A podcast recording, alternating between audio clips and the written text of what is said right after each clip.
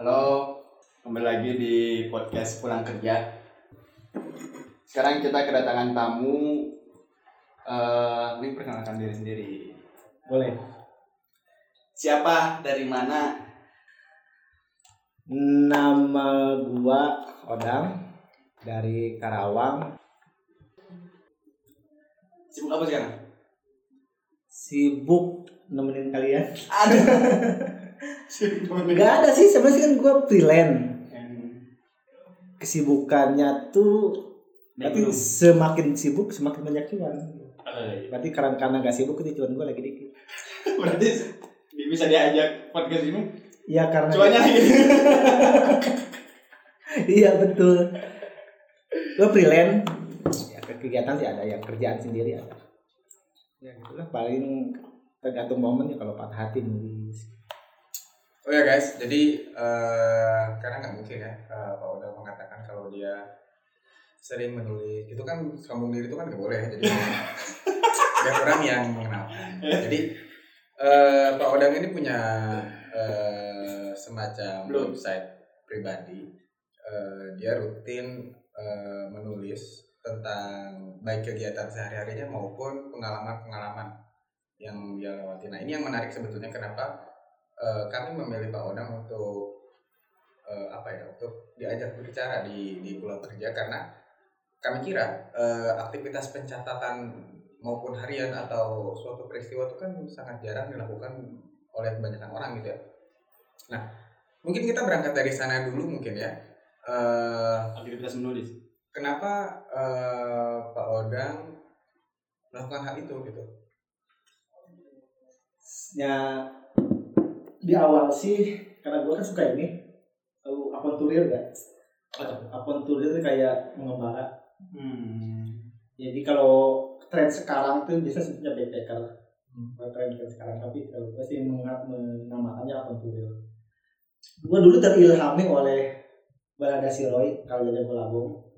Dia ada satu seri tulisan apa novel buku itu Golabung. Eh, Siroy itu ya tadi kerjanya dari satu tempat ke tempat lain tapi bukan tempat yang famous ya. Misalkan kayak Bali atau apa yang orang-orang wisatawan kunjungi tapi tempat-tempat yang kayak urban atau tribal kayak pedalaman yang jarang disentuh sama eh, keseharian gitu. Karena gue tuh pernah paling lama menulis satu bulan. Jadi saat dari saat berapa dari Jawa Sumatera balik lagi ke dari pelosok. Waktu itu pernah tujuannya sih nyeleneh nyari perempuan bermata biru gadis bermata biru. Konon katanya ada di daerah Sukabumi. Tapi sampai sebulan itu gue nggak ketemu yang gadis mata biru. Nah Gadis mata biru tuh ada di luar pulau nggak sih? ah, ada di Aceh. Itu beberapa di pedalaman Aceh ada.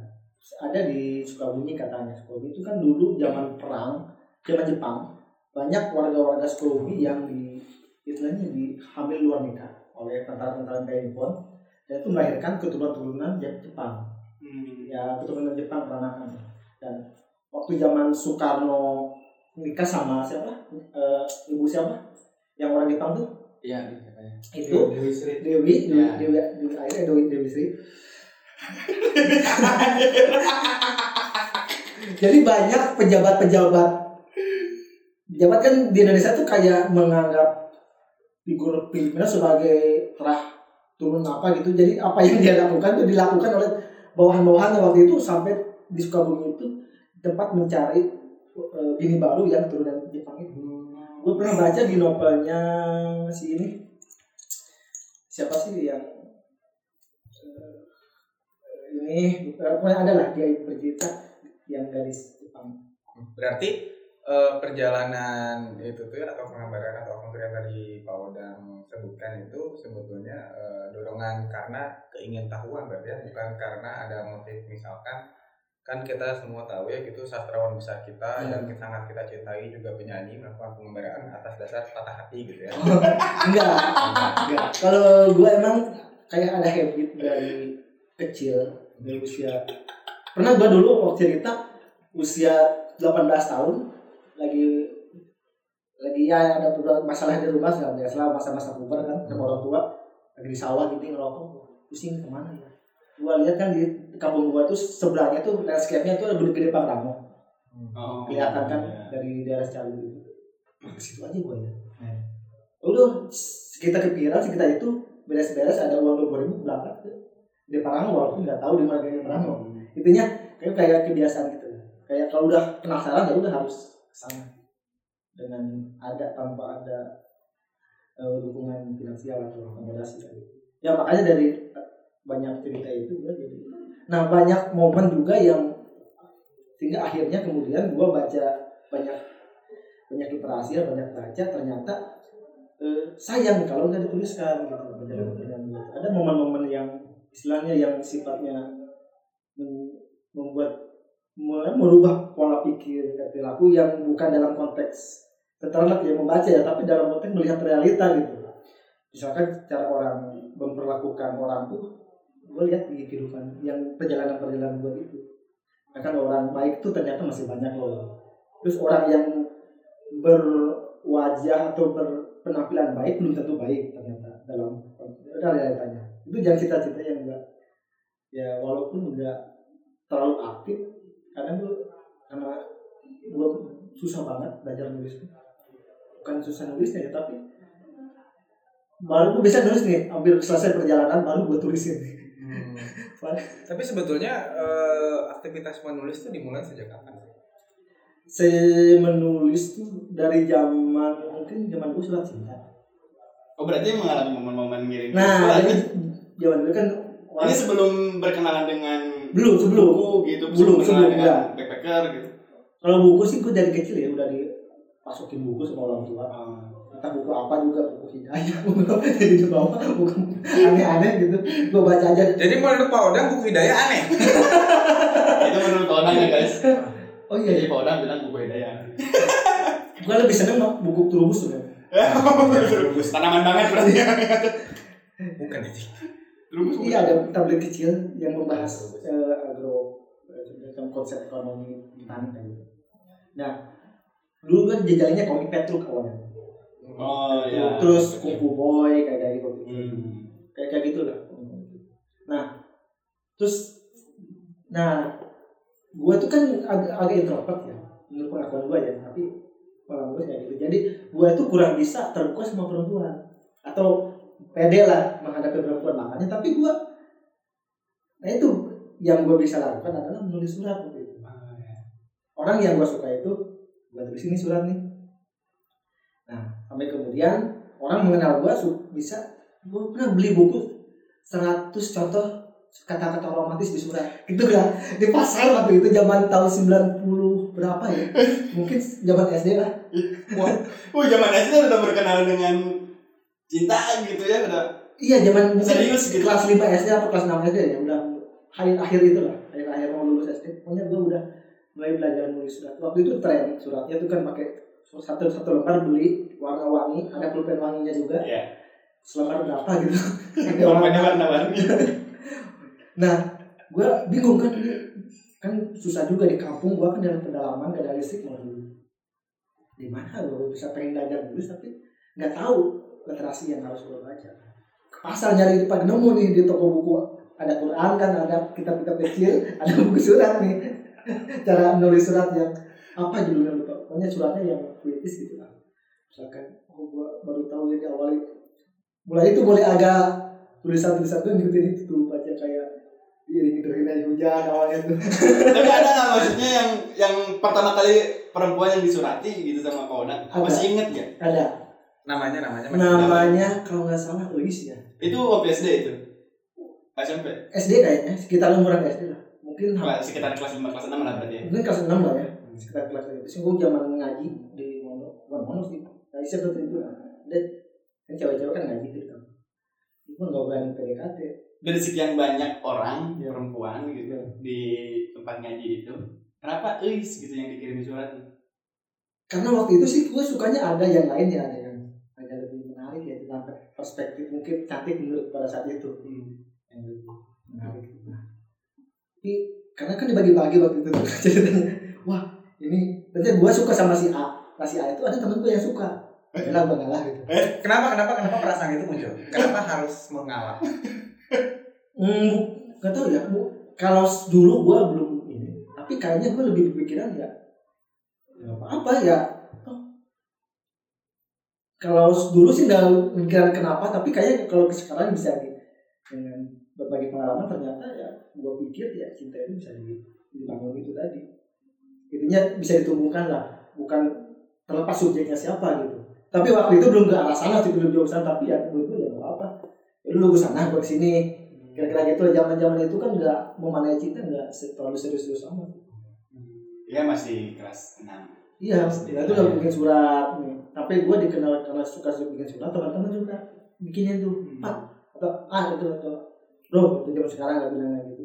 Bikin surat dong surat. Dulu gue sempet pergi surat bikin kertas polio. Bisa gitu banget. Lah lamaran kerja tau kan? Yang gede. nah kertas polio itu kalau nggak salah penuh? tiga halaman sisa satu kan? Kan ada berarti ada empat halaman kan polio tuh panjang ya. Gua waktu itu juga gua udah perkenalan dengan sayap patah Oh. Iya. Kecil kan bukunya masalah Iya. tipis. Sayap patah itu. Nah udah mulai men, apa, menyak, apa menyadur itulah kata-kata itu. Gue dapet dari mana? Nggak tahu lupa. Pokoknya ada buku sayap patah itu. Kan zaman gua itu dulu tren menyurati itu hampir lumayan ini lah atau teman-teman yang seangkatan lebih dewasa juga udah tren surat kebetulan gue dulu karena gue suka baca baca buku. Karena gue dikenal baca buku tuh nggak ada tempat gitu karena di kamar mandi lagi jalan kaki. Seneng aja. Kemarin tuh kan eh, karena kebutuhan menulis kurang gitu ya orang tuh sempat baca eh, websitenya pribadinya Pak Odan gitu terus ada ada banyak sih sebetulnya tulisan yang orang baca tuh waktu itu yang eh, gimana caranya Pak Odang berdamai dengan patah hatinya sendiri gitu? Dengan masa lalunya dengan menerima realitas gimana kak? Nah, jadi di hematnya tuh ya di pengalaman eh pengalaman jadi teksnya itu yang orang baca Pak Odang tuh eh, dua kali melakukan apa ya mempertanyakan eh menyampaikan keseriusannya kepada seorang perempuan dan eh, dua kali juga mengalami patah hati gitu ya. Ya dua kali juga mengalami patah hati. Nah gimana sebetulnya eh, cara Pak Odang berdamai dengan momen itu? Padahal eh, konteksnya itu kan waktu itu eh, hematnya eh, orang yang Pak Odang sukai ini tuh eh, ada di masa-masa kritis kalau boleh aku bilangnya karena eh, berhadapan dengan COVID-19 gitu ya di suatu rumah sakit. Terus Pak Odang menemani selama entah berapa hari gitu ya. Dua minggu. Dua minggu guys. Selama dua minggu Pak Odang rutin eh, Ke rumah ya, sakit. ke rumah sakit, mendukung, memberikan support segala macam.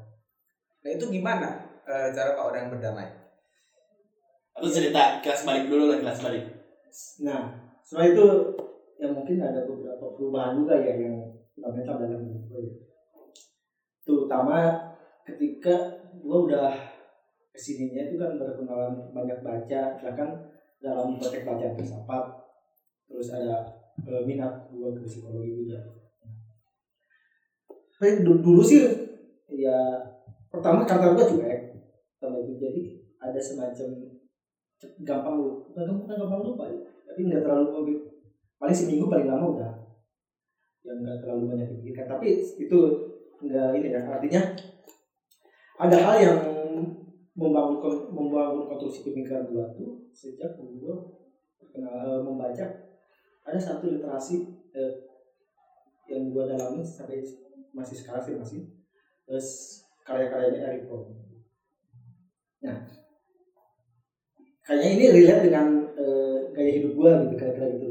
Cara mema- memahami cinta itu menurut Eric Fromm sebelum gua baca Eric Fromm pun ya gaya gua kayaknya sama gitu. Kira-kira gitulah tapi pas gua baca tuh ya mungkin lebih agak penegasan aja dalam konteks gua memandang eh, cinta atau tadi lah eh, bagaimana kita memandang cinta dan sehingga akhirnya gua punya perspektif lain.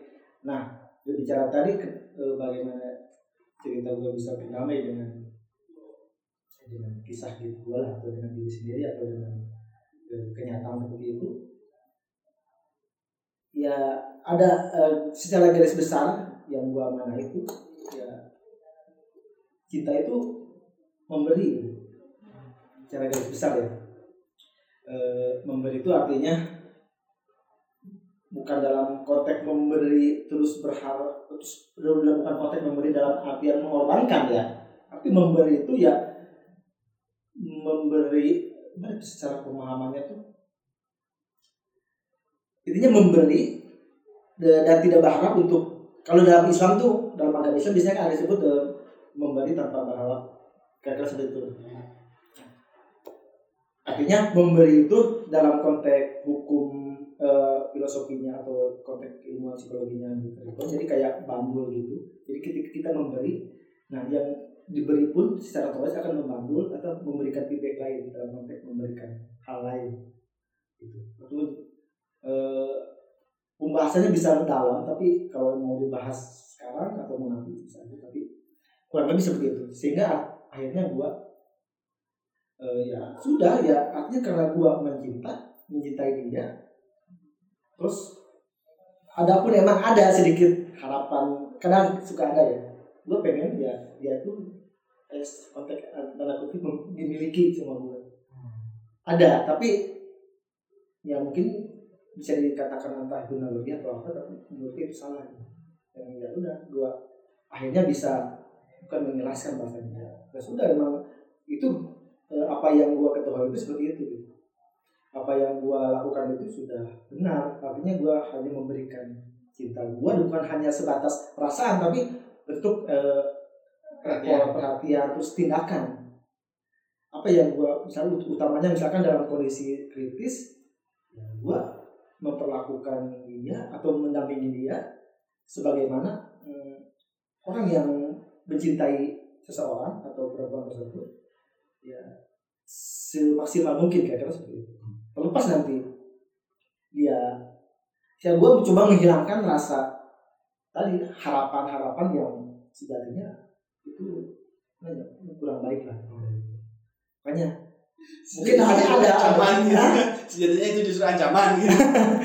iya yang menarik tuh ya buat orang eh, kenapa pengalaman penolakan pertama tidak dijadikan apa ya, sebagai batasan kalau wah kayaknya udah cukup deh oh iya itu kenapa Nah. beberapa pengalaman hubungan asmara lah selain sebelum ini kan gue juga ada gue sering kali dari awal ketika gue gue sudah mencintai gue tidak akan pernah membenci. Kira-kira seperti itu. Entah dia mau memperlakukan gue seperti apa mengecewakan gue dalam arti mengece- mengecewakan eh, hasrat gue gitu ya. Bukan mengecewakan dalam konteks hal lain. Misalkan gue pengen dia jadi pacar gue ternyata dia nggak mau berarti bukan dalam konteks itu. Artinya nah pengalaman gue beberapa hubungan pacaran kayak gitu belum pernah gue dalam konteks ada kata putus gitu ya. Eh, dulu pernah perempuan justru yang ngajak gue nikah. Itu gue sampaikan kalau mau eh, misalkan sebenarnya. Kalau mau nunggu tiga tahun waktu itu ya oke. tapi kalau nggak mau ya gimana? Gue masih ada hal-hal yang harus gue selesaikan dulu. Terus dia nggak mau terus akhirnya mengambil jalan eh, istilahnya kan gue berpikiran cinta itu harus saling amora kalau bahasa Prancis itu amora liberté itu membebaskan itu artinya ya tidak membelenggu lah kalau gue mencintai lu ya bukan berarti gue harus memiliki lu kira-kira gitu. Sampai ke gue coba menyerap pemikiran itu butuh waktu juga tapi setelah gue jalanin hal positif yang gue dapat tuh ya tadi gue tidak me- wastingkan membuang waktu berlarut-larut dalam kesedihan yang tidak perlu kira-kira seperti itu. Yang tidak produktif. Makanya tadi karena latar belakang gue di apa di operasi filsafat dan psikologi ini ya, juga men- mengkonstruksi cara berperilaku atau cara berpikir gue apa-apa gue selalu eh, kaitkan dengan konteksnya keilmuan misalkan konteksnya cinta gue kaitkan dengan keilmuan psikologi dan keilmuan filsafat. Cinta itu harus seperti ini cinta itu harus seperti ini jadi bukan dalam konteks eh, has, hasrat saja gitu kan gue lihat kalau sekarang kan lebih ke banyak kan di sana. sehingga ya, gue sih sampai sekarang merasa selalu positif dalam artian bagi diri gue ya. Ya, Jadi, jadi sungguh pun kalau ada penolakan sebetulnya itu tidak mempengaruhi bagaimana eh, Pak Odang mencintai seseorang gitu ya. ya kadang contoh begini gue juga kalau ada perempuan yang gue suka. Katakanlah cantik menurut pan depan gue gue sampaikan kadang eh kamu cantik gue suka sama kamu.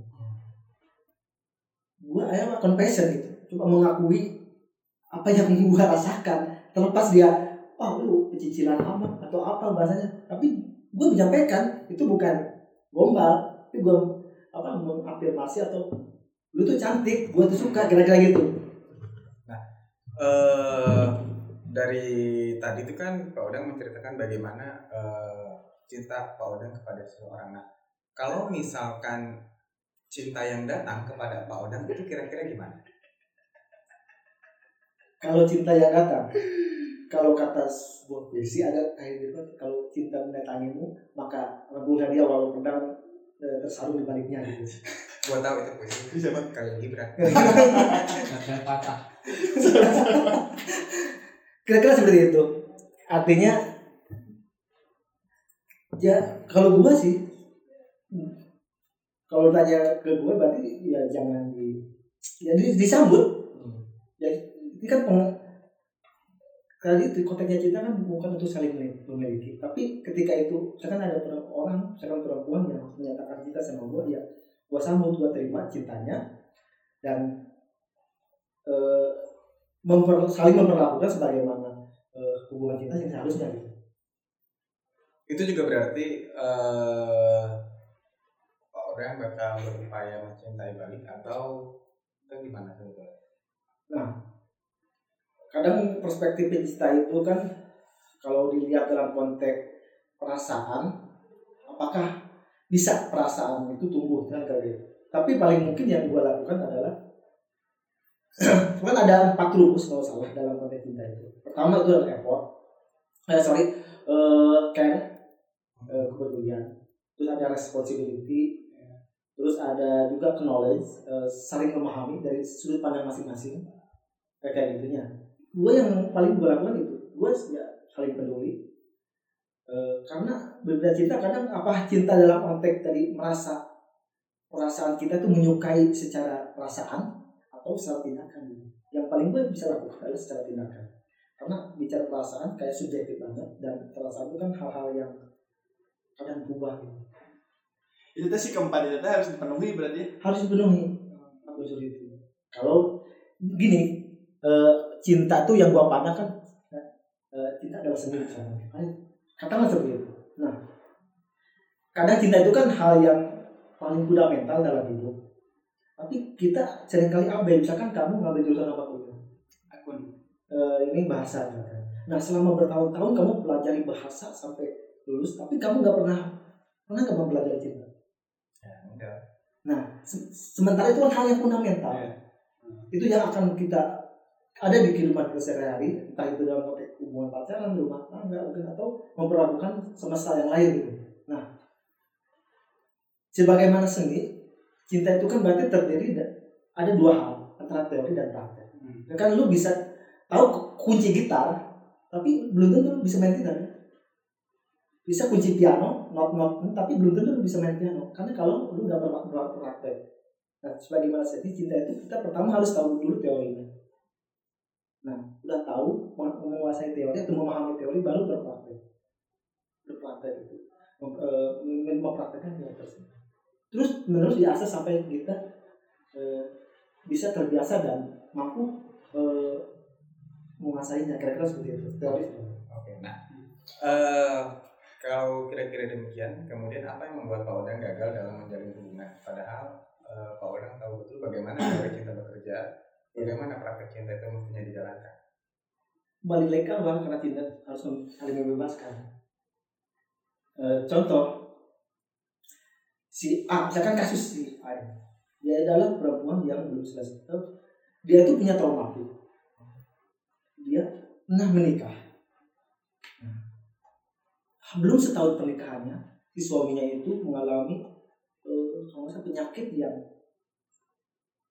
penyakit yang kronis kritis mengakibatkan koma berbulan-bulan eh, sorry berbulan hampir sebulan dan akhirnya meninggal. Meninggal pun dalam keadaan kritis tadi kritis artinya tidak diterima rumah sakit intinya si perempuan ini mengalami traumatik yang luar biasa.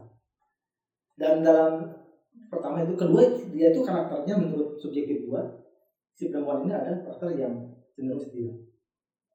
Artinya eh, sehingga mengakibatkan eh, mungkin bagi bahasan seperti itu karena sampai akhirnya dia tidak bisa keluar dari rasa traumatiknya itu.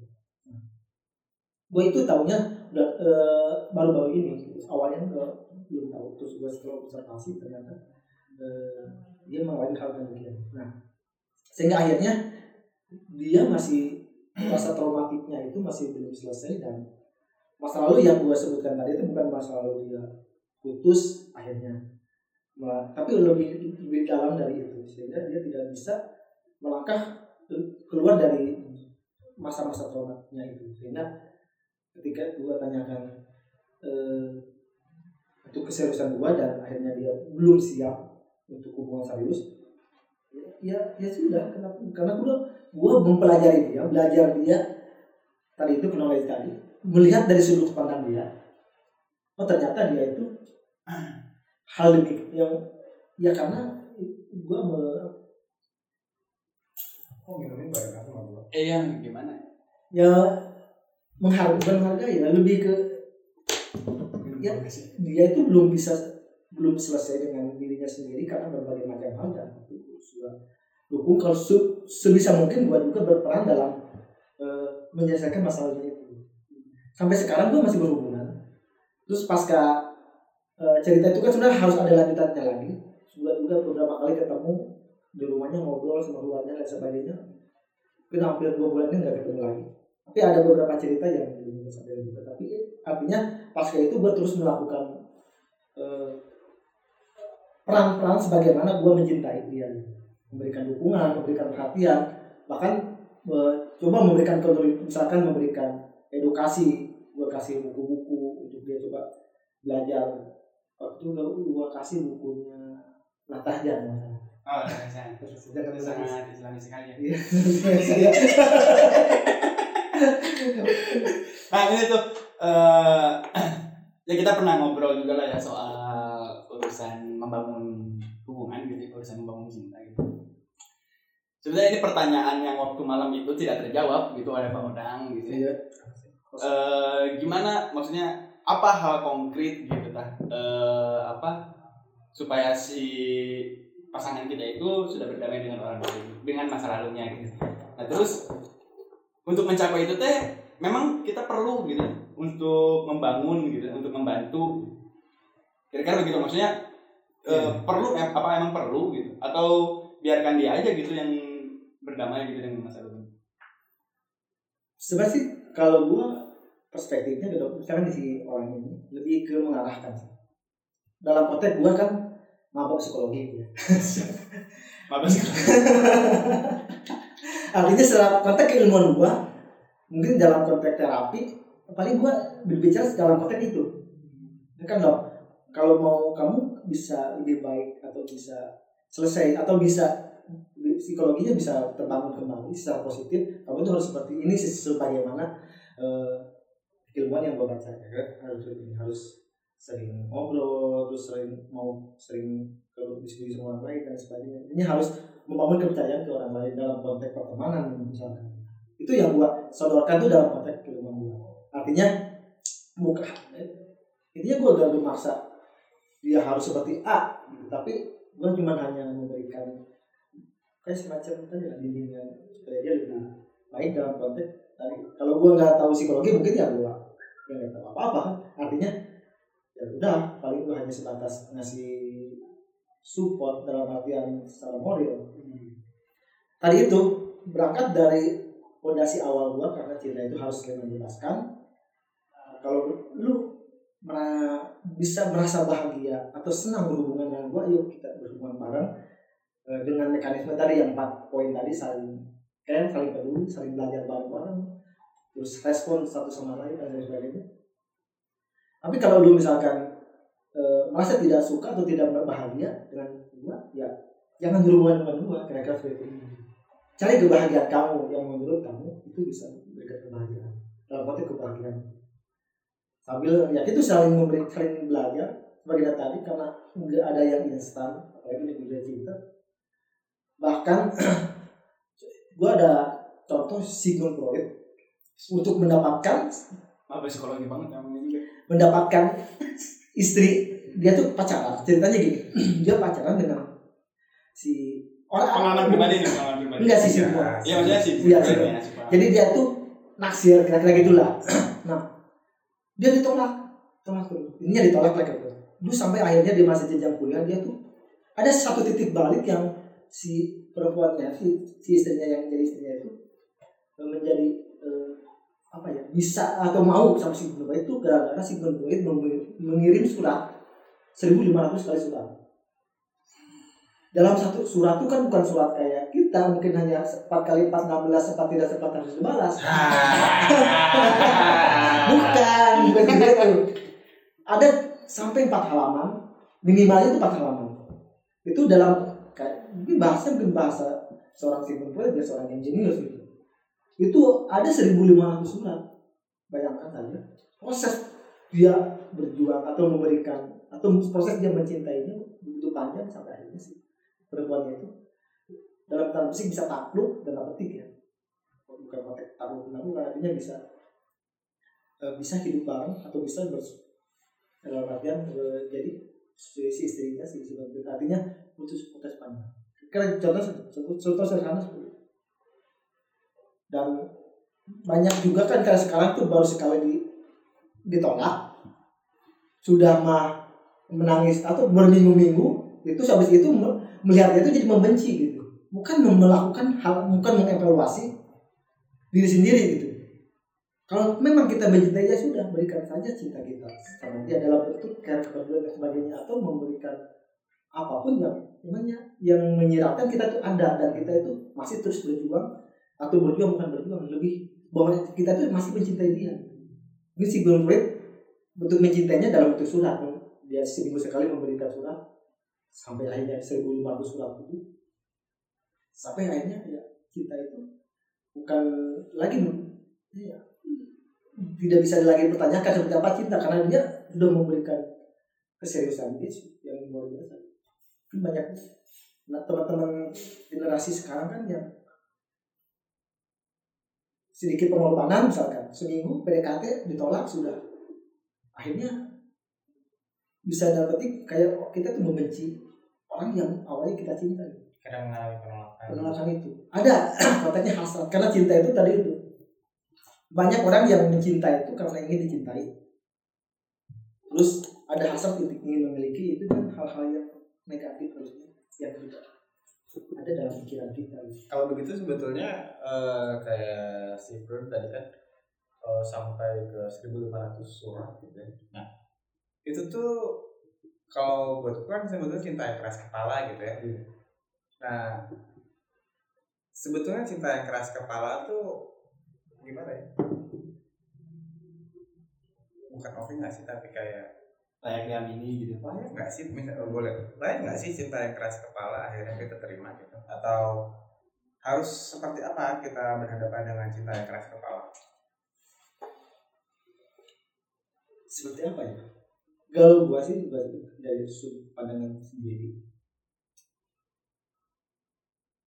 Mungkin hakikat cinta yang seperti itu yang gua kalau gua suka ya yang me, yang me- me- menggambarkan cinta yang sebenarnya gitu gua pernah kalau berbicara mungkin teman-teman pernah baca atau ceritanya eh, Kais dan Lela gitu. Eh, si Kais ini mencintai Lela eh, dalam konteks lebih tingginya bukan hanya terhadap Lelanya bahkan sampai pada tembok-temboknya pun dia cintai gitu.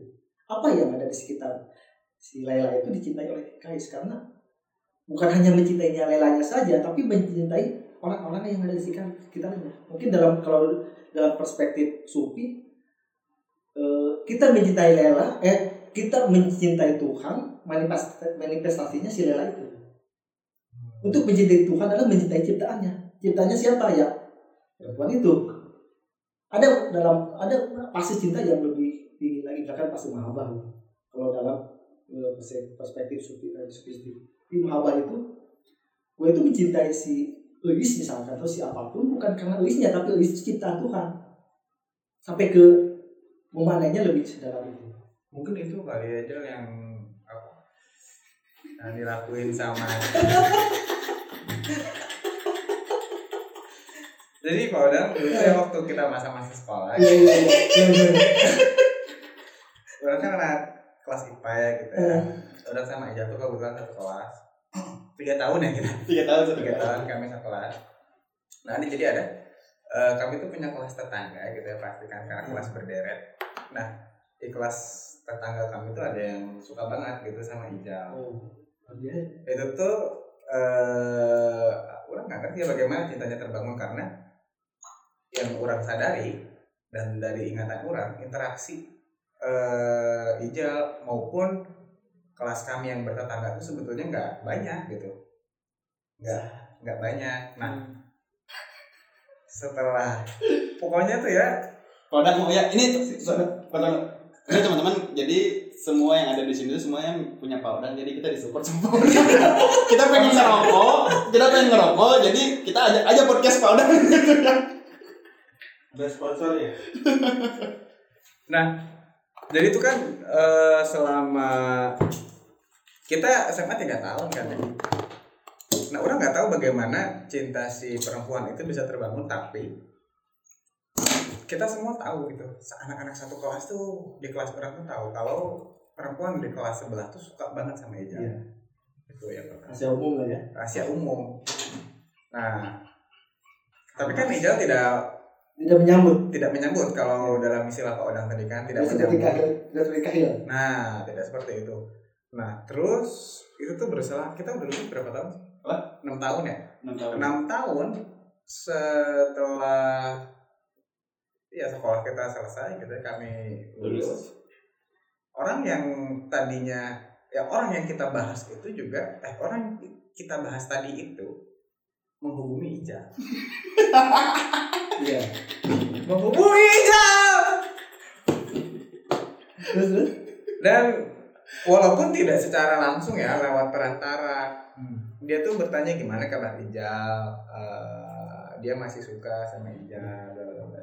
Nah, kenapa cinta bisa bertahan sepanjang itu Pak Odang?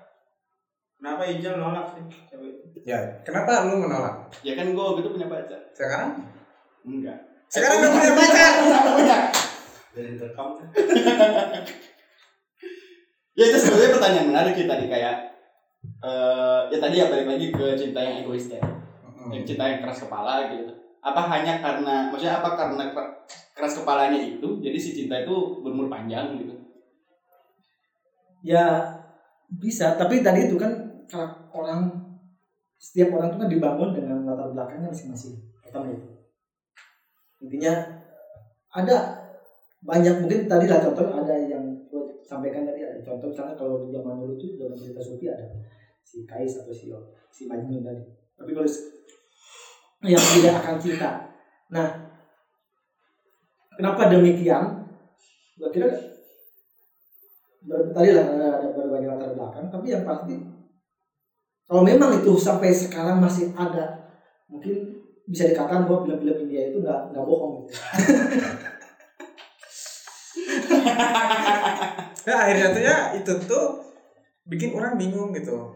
Kalau lah misalkan siapa kan namanya? iya nggak usah Oh, iya. Kalau lah misalkan si perempuan itu betul-betul mencintai dengan sangat keras kepala. Nah, apakah cinta itu bisa diterima atau jangan-jangan apa yang dibayangkan punya jalin hubungan sama Ija itu atau cinta yang keras kepala itu cuma sifat yang Asal memiliki aja hasrat aja. Terus juga ambisius.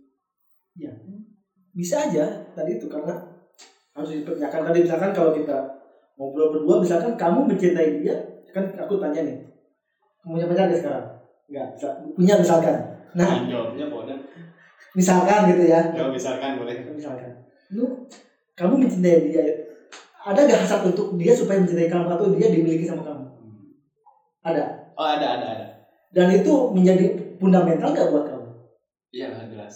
nah itu kan karena tadi itu kalau berbicara dalam Jadi komen caranya kain Cia semuanya. Dia punya juga. ya kalau dalam perspektif hate bro misalkan itu kan hal yang negatif karena ada satu momen ketika secara psikologi gitu ketika orang sudah memiliki itu apa yang dicari Oke.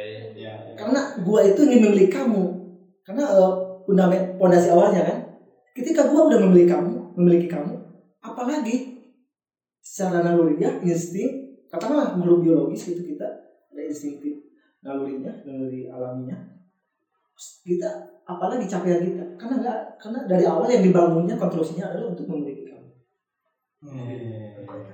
Kalau misalkan, nah ini menarik sih fenomena yang menarik itu kan belakangan ini kayak orang tahu ya Ijal. Ijal tuh, Ijal kan punya pacar ya. Gue banjir namanya. Tayu banget anjing.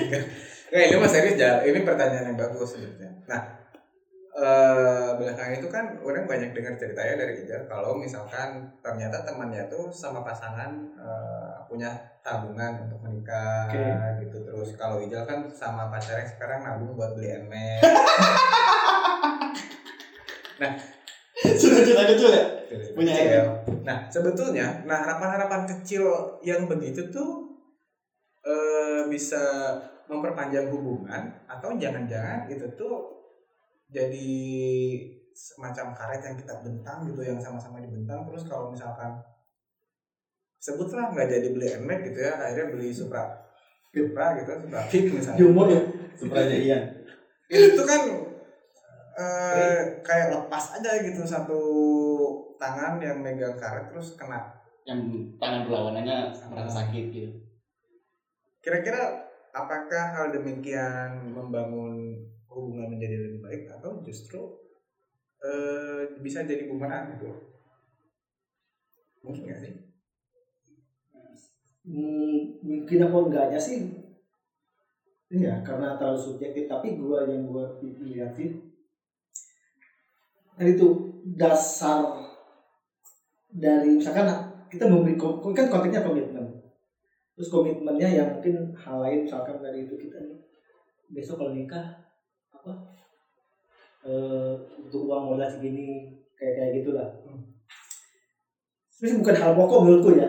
Pertama itu bukan hal yang fundamental yang harus dibangun ketika eh, masa pacaran misalkan. Itu kan kayak semacam ekspektasi. Bicara kan kita naruh ekspektasi di sini. Nah, ekspektasi itu kan eh, lawan katanya adalah eh, kecewa ya tadi. Nah, itu akan jadi bumerang tuh bicara di situ. Ketika ekspektasi ini tidak sampai, lalu kemudian secara otomatis itu psikologisnya kan rasa kekecewaan. Misalkan ekspektasinya kita itu harus ngumpulin 10 juta di bulan ini buat modal nikah. Ternyata cuma dapat 1 juta. Akhirnya akan menjadi kemudian kita akan saling mempersalahkan dan sebagainya dan sebagainya. Kalau fondasi awalnya nggak dibangun itu ngerasa saling respon atau lain sebagainya itu nggak dibangun. Itu kan itu. Itu kan ekspektasinya dibangunnya ini sementara fondasi awal, fondasi pentingnya, strukturnya nggak dibangun ya akan menjadi bumerang itu dalam artian menjadi kekecewaan yang justru me- kalau tidak bisa menerima ya akhirnya mengakibatkan kalau begitu artinya sungguh pun misalkan ada hal demikian resikonya ya perlu diterima gitu dan disadari kalau Hmm. misalkan sungguh pun itu tidak tercapai jangan perlu apa iri dan dengki misalnya kayak Ija kan sekarang ternyata eh, cita-cita membeli anak bersama pacar itu tidak bisa tercapai karena pacarnya sudah beli anak duluan gitu kalau ada ya kadang kan Cita-cita kita kasihan punya anak tuh ya. enggak kenapa harus dibangun pemikiran bahwa eh, wujud konkret dari sebuah cinta itu adalah lembaga perkawinan. Dan harus apakah perkawinan itu menjadi hal yang fundamental sub- substansial dalam konteks hubungan kita atau hanya sifatnya administratif? Apa ya? Kayaknya sih atau atau kalau balik lagi ke pengakuan dari eh, sosial. pernyataan Pak Odang kalau misalnya hal yang paling fundamentalnya itu adalah eh, apa ya afirmasi tadi gitu. Kayaknya masih ter masih jauh gitu tau untuk mengatakan iya atau bel- atau tidak gitu. Kalau pernikahan adalah wujud terakhir gitu wujud cinta gitu. maksudnya maksudku tuh kan kita berhubungan pacaran. Terus apakah harus mem- mem- memaknai lah bukan memaknai misalkan harus ngumpulin segini oke lah dalam hidup kita butuh finansial ekonomi untuk hal-hal lain. Tapi kan yang dibangunnya harusnya bukan mulai dari sana tadi lah menurut sih tadi kita saling saling care saling peduli saling belajar satu sama lain. Dan ketika pun itu menjadi hal yang harus dilakukan itu atas dasar paham masing-masing gitu. Kesadaran. Masing-masing. Intinya yang paling prinsip adalah yang dibangun itu eh, fondasinya itu. Karena eh, kalau kita melihat kalau teman-teman pernah melihat eh, teaternya teater koma yang masih ada cinta dan kita itu menjadi eh, manifestasi cinta yang sesungguhnya gitu. Ketika cinta di usia senja itu kita tidak lagi bisa mem- tidak lagi mempertanyakan apa itu cinta. Karena kita itu seakan-akan sudah menyatu gitu antara si satu perempuan atau si suami dengan si istri itu. Tidak lagi mempertanyakan cinta pada akhirnya. Karena menjadi satu menjadi satu ritme gitu. Kalau teman-teman pernah nonton teaternya sampai si kan si kalau nggak salah si istri apa si suami yang bertanya tuh? Ke yang dua peran dua orang itu jadi masih ada cinta dari kita. Dan tidak bisa dijawab karena dalam fase senja atau masuk usia udah lebih mapan beda bahasa itu orang tidak lagi mempercayai kita terutama yang orang tua kita. Apa yang dipertanyakan mereka? Karena mereka sudah menjadi bagian terakhirnya udah kalau bahasa ini udah manunggaling gitu. Iya. udah aku bersama kamu tuh udah bersekutu pada tahap itu pada akhirnya itu kan harusnya menjadi tujuan akhir dari cinta seperti itu tidak ada lagi cinta di antara kita Pantesan itu Oh, jadi yang sama Maneh gitu ya. Hah? Kan tujuh tahun pacaran. anjing Tujuh tahun pacaran. Kontol, kontol. Tujuh tahun pacaran. Eh, Sudah manunggaling akhirnya. manunggaling. Masih ada cinta di antara Iya Maneh sama ya nggak bisa dijawab kan tadi jawab manunggaling. Iya, tidak tidak udah tidak lagi membicarakan cinta, tapi tadi itu lebih ke tindakan konkret. Ya, berarti tadi di- terjawab lah ya kurang lebih pertanyaannya yang eh, apa cinta yang keras kepala gitu kan berumur panjang teh karena tadi jawabannya itu yang manunggaling teh lebih gitu sih Bisa. Iya, sampai ke akhirnya balik ke arah sana. Pada fase ujungnya ya. Karena ada macam-macam lah. Cinta tuh misalkan kalau cinta dalam konteks sufi mungkin eh, lebih sufistik sifatnya kan. Contoh pada eh, Rabi Adawiyah, terus eh, Kaisar Lela, terus ada Yusuf dan eh, Super Mansur siapa sih? Adam dan Anton. Yusuf itu siapa pacarnya? Eh, yang ceweknya? Majnun. Yusuf, Yusuf. Zulaika, Zulaika, Yusuf mah Zulaika. komedi komedi gue yakin komedi sama mantus.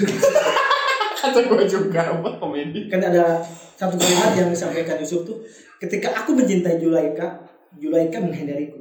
Ketika aku mencintai Allah Allah mendatangkan Julaika untukku.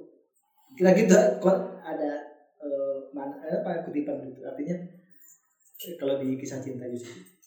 Jadi jodoh mah ada di tangan Tuhan gitu ya berarti. lu percaya ini enggak lebih ke kon- konteksnya lebih ke bukan si fisik individunya tapi lebih ke kita mencintai hal-hal yang apa ya misalkan gue mencintai bukan dalam konteks subjeknya atau fisiknya gitu ada Ya, hal ya. yang lebih lebih hal lain lah gitu ya apa sih yang kenapa sih kita mencintai dia tuh karena kan cinta itu kayak semacam kompromi Tahu nggak? kompromi itu misalkan artinya kita melihat dia itu sebagaimana kita melihat kita dalam cermin gua itu suka manga gua itu suka menulis. Nah gua itu cinta suka dengan orang yang tercermin dalam diri gua. Ada semacam kayak kalau dikatakan anak klop ya. Oke. kalau oh lu mah sukanya sehobi sama gua. Terus lu mah oh, ternyata karakternya sama gua sama sama-sama gini sama-sama gini. Kadang mencari pendekatan-pendekatan lain dengan zodiak dengan apa gitu. Intinya mencari hal-hal yang sifatnya kalau bicara tadi cermin kayak semacam cermin kita sendiri. Nah sehingga akhirnya orang atau kita itu cenderung egois artinya kita kita ah orang kalau pacaran sama dia orang pasti akan bahagia yang bahagia itu siapa orang atau dia Jadi sebetulnya mencintai seseorang dengan cerminan dari seperti kita itu oke atau enggak? Iya. Oh enggak. Oh, jadi alasan-alasan suka sama orang gitu karena satu selera musik gitu ya, satu selera film gitu ya, itu oke berarti. Ya kayaknya mah itu sih yang akhirnya kan kita semua tahu ya Jok. Kenapa mana yang gagal tuh karena kemarin si lawan jenis mananya juga akhirnya punya selera musik yang sama gitu kan? Oh, jadi alasannya karena selera musik sebetulnya ya. Selera musik. Si gagal. ya artinya yang, yang lebih buat kayak kayak semacam orang atau kita tuh lebih memandang cinta tuh seperti anugerah benar benar gak sih kalian memandang begitu nggak seperti anugerah jatuh cinta itu tiba-tiba atau kebetulan. Kenapa sih lu enggak gitu? Cintanya sama si A kenapa harus sama si B? Cintanya lu teh. Kalau kan karena karena udah jadi mantan gitu dia udah capek. Iya, ya Nah kalau gitu sebenarnya gimana ya orang? Nah pondasinya itu menurut sebagaimana yang gue Coba tolong kru ditutup dong pintunya. yang gue pahami itu Oh, pernah ya? jangan pernah berbicara dengan falling in love falling in love itu kan jatuh jatuh itu kebetulan. Jatuh. Cinta tapi bicara tentang standing in love Hmm. dirikanlah cinta. Bangun. bangunlah cinta. Seperti apa? Yaitu jangan berpondasi terhadap perasaan. Gua tuh uh ya itu rambutnya sesuai dengan eh, apa ya impian gua gitu. Berbibir keriting berhidung mancung beras letik kayak gitu gitu ya. Apanya tuh? bermata tiga atau dia tuh dengan hobi yang sama tidak seperti itu tapi dirikanlah cinta cinta itu kan coba kita generalisir bukan hanya dalam konteks laki-laki dan bukan dan berbuat saja tapi konteks ke semesta mencintai kehidupan orang tua mencintai teman kawan atau hal-hal yang ada di sekitar kita Jadi dan sulit lah kan. dan cinta. lawan jenis adalah hanya satu bagian dari cinta cinta itu ya macam yang lebih lawan jenis itu bisa dianggap cinta yang erotis Cinta yang produksi gitu. Ya. Kalau kemarin Pak Oda bilang, cinta yang produktif ya cinta yang produktif. ada berbagai macam ada cinta tadi ini. apa kalian mau bilang Ya jadi cinta terhadap lingkungan itu nggak susah. Iya, cinta itu kan kalau di ada analogi secara seksual, ya kan cinta itu harus dia bicara tentang memberi. Eh, misalkan dalam konteks seksual kan memberi itu laki-laki memberikan spermanya misalkan terhadap perempuan dan perempuan pun secara eh, alami juga memberikan eh, Rahim. rahimnya Hmm. atau eh, apa ininya alat vitalnya gitu terhadap si laki-laki itu kan saling memberi dalam konteks eh, analogi sederhana atau hal yang paling sederhana seperti itu ya memberi dan menerima itu terjadi begitu saja seharusnya gitu. Kita memberikan sperma kita ke perempuan dan perempuan memberikan rahimnya sehingga akhirnya si perempuan eh, dalam hal ini suami istri mengandung dan memberikan cintanya itu kepada eh, anaknya. Ada cinta itu kan ada cinta ada cinta tanpa syarat itu sebenarnya mah nggak baik. Kenapa? Hah? kenapa? Bisa analoginya gini. Eh, karena cinta tanpa syarat itu yang diberikan cintanya itu tidak contoh gini an- ibu kepada anak cintanya kan tanpa syarat Iya. Nah, itu karena itu secara naluri itu tapi bagaimana ketika si ibu tidak mencintai anaknya anak bisa menuntut nggak Oke. Jadi kalau misalkan sekarang pacar Ijal mencintai Ijal tanpa syarat, Nah, iya. kalau Ijal tidak mencintai balik, berarti itu eh misalkan dalam konteksnya eh, ini mah contoh anak dengan ibu yang kecil itu ibu bisa memberikan cinta tanpa syarat dan anak menerima cintanya. Kan ah, kayak di diasuh diberi susu dan lain sebagainya dielus dan sebagainya. Namun ketika hal lain terjadi ibu tidak memberikan cintanya. Anak bisa menuntut apa? Misalkan anak yang umur lima tahun lah. Mau dia berekspresi apa pun eh, tidak bisa diberikan. Ada cinta yang dengan syarat, misalkan cinta contoh yang sederhana antara orang tua laki-laki dengan anaknya. orang tua lah itu pandangannya kamu ini kalau mau jadi anak ayah harus seperti ini. Harus seperti ini. Maka ayah itu akan memberikan cintanya dengan syarat anak harus berlaku seperti ABCD dan anak bisa menurutinya tapi dengan konsekuensi dia harus menjadi figur yang lain. Ya bukan dan menjadi figur yang seharusnya dia pengen dia harus menjadi figur yang ayah inginkan. Itu. Ada nilai positifnya. Itu tapi nilai negatifnya adalah si anak tidak bisa menjadi- mandiri. Atau menjadi diri sendiri. Cinta yang tanpa syarat seperti ibu itu artinya bagus. Dan itu bisa berlangsung tapi bagaimana pertanyaannya jika si ibu tidak bisa memberikan cinta dengan hal apa misalnya? Tabrakan home ya di rumahnya. Sehingga si ibu membenci si anaknya. Dan anak mau bertingkah apa yang nggak ada karena cinta ibu ibu tuh tanpa syarat beda dengan si ayah selama mau mengikuti keinginan ayah kamu akan ibu itu secara teori sederhana Jadi itu aja jawabannya. Jadi mana jangan lagi itu ngasih cinta tanpa syarat atau kebiarin apa segala macam. Oke. Apa namanya? apa Eh, kalimat penutup. ya enggak tuh emang udah berapa jam sih Udah cukup. Ini kita mau habis. banget. terakhir aja mungkin Lu eh, dulu dari lu dulu. enggak ini ke Pak Odang dulu Oh, iya, terakhir mungkin ke eh, dari tadi kita kan membicarakan soal membangun cinta gitu. iya dengan Paling- segala apa ya imajinasi gitu ya. hal konkret kira-kira eh, apa ya yang membangun cinta gitu tadi dengan ya tadi dengan pengetahuan-pengetahuan yang kita punya gitu soalnya kan ternyata Mana? pandangan Nggak bisa pandangan beli handmade bareng kan sama pacar mana? Apa? Nggak bisa beli handmade bareng. Kan dia udah beli.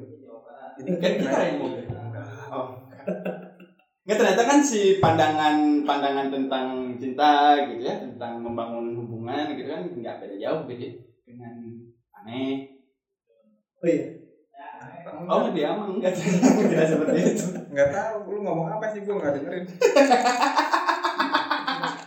Nah, itu gitu. Maksudnya kira-kira gimana sih? Apalagi kan sekarang melihat fenomena-fenomena eh, generasi sekarang gitu ya yang eh, apa ya yang dengan trennya gitu. Tah kira-kira harus seperti apa sih?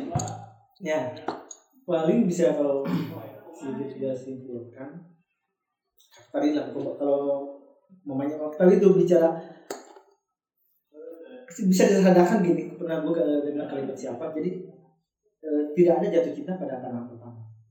Jadi si cinta itu hanya benihnya cinta itu harus diperjuangkan jadi kan di sana. Artinya dalam konteks untuk memperjuangkan ini kita ya harus tidak barbar harus tahu pengetahuan apa itu bagaimana cara mencinta itu. Tadilah empat poin yang tadi saya sampaikan yang harus bisa diberikan diperlakukan. Kepedulian saling memahami satu sama lain respon dan sebagainya. Artinya cinta itu tadi jatuh cinta atau kita tuh suka sama seseorang itu hanya bunganya saja hanya benihnya untuk tumbuh itu kita harus berjuang dan tumbuh itu belum tentu berjuang artinya dan sebagainya dan kita aja oh, tadi harus jangan pernah berpikiran eh, intinya kembali ke awal bisa saya sampaikan di awal tadi cinta itu selalu saling membebaskan itu penting. Tidak untuk saling menjarakan tidak saling menekan belajar di situ lah. Emang agak sulit dicerna tapi selama kita latihkan karena ada teorinya dan juga ada prakteknya ya belajar banyak referensi banyak buku saya sarankan baca dari Fromm ya kalau yang lebih secara filosofis dan secara psikologis cukup menarik gitu. apalagi di era kapitalisme seperti sekarang ini bicara cinta adalah bicara pasar gitu Oh, ya, terima kasih Pak Odang. Dari mana apa? Dari dulu dulu dulu dulu. kenapa mana tadi ketawa pas Pak Odang bilang kapitalisme Enggak. Nanti Enggak, kita bahas sesuatu yang lain lagi. Ini kita udah mau berakhir, anjing nggak bisa. Lu sekarang ya kasih, begitu kasih kata penutupan. apa ya? Eh ya paling itu tadi orang sepakat maksudnya ya memang dari awal bukan dari awal maksudnya setengah perjalanan orang gitu dalam membangun cinta eh, bahwa cinta itu harus membebaskan gitu. Selama ini makanya dah itu tadi gitu eh, sulit gitu ya memaknai bahwa cinta itu membe- membebaskan makanya ya terus aja dia cinta Bohong, guys. kalau Enggak, gua. dari mana dulu baru nanti ke Paudang kan Eh, orang jadi apa ya? Jack sama Rose tega. Jack dan Rose. Itu terus. Titanic. Titanic. Jadi waktu ini cuma karena cinta Jack mati gitu. Dan puluhan ribu orang lainnya. Dan sampai jumpa di pulang kerja. Ya.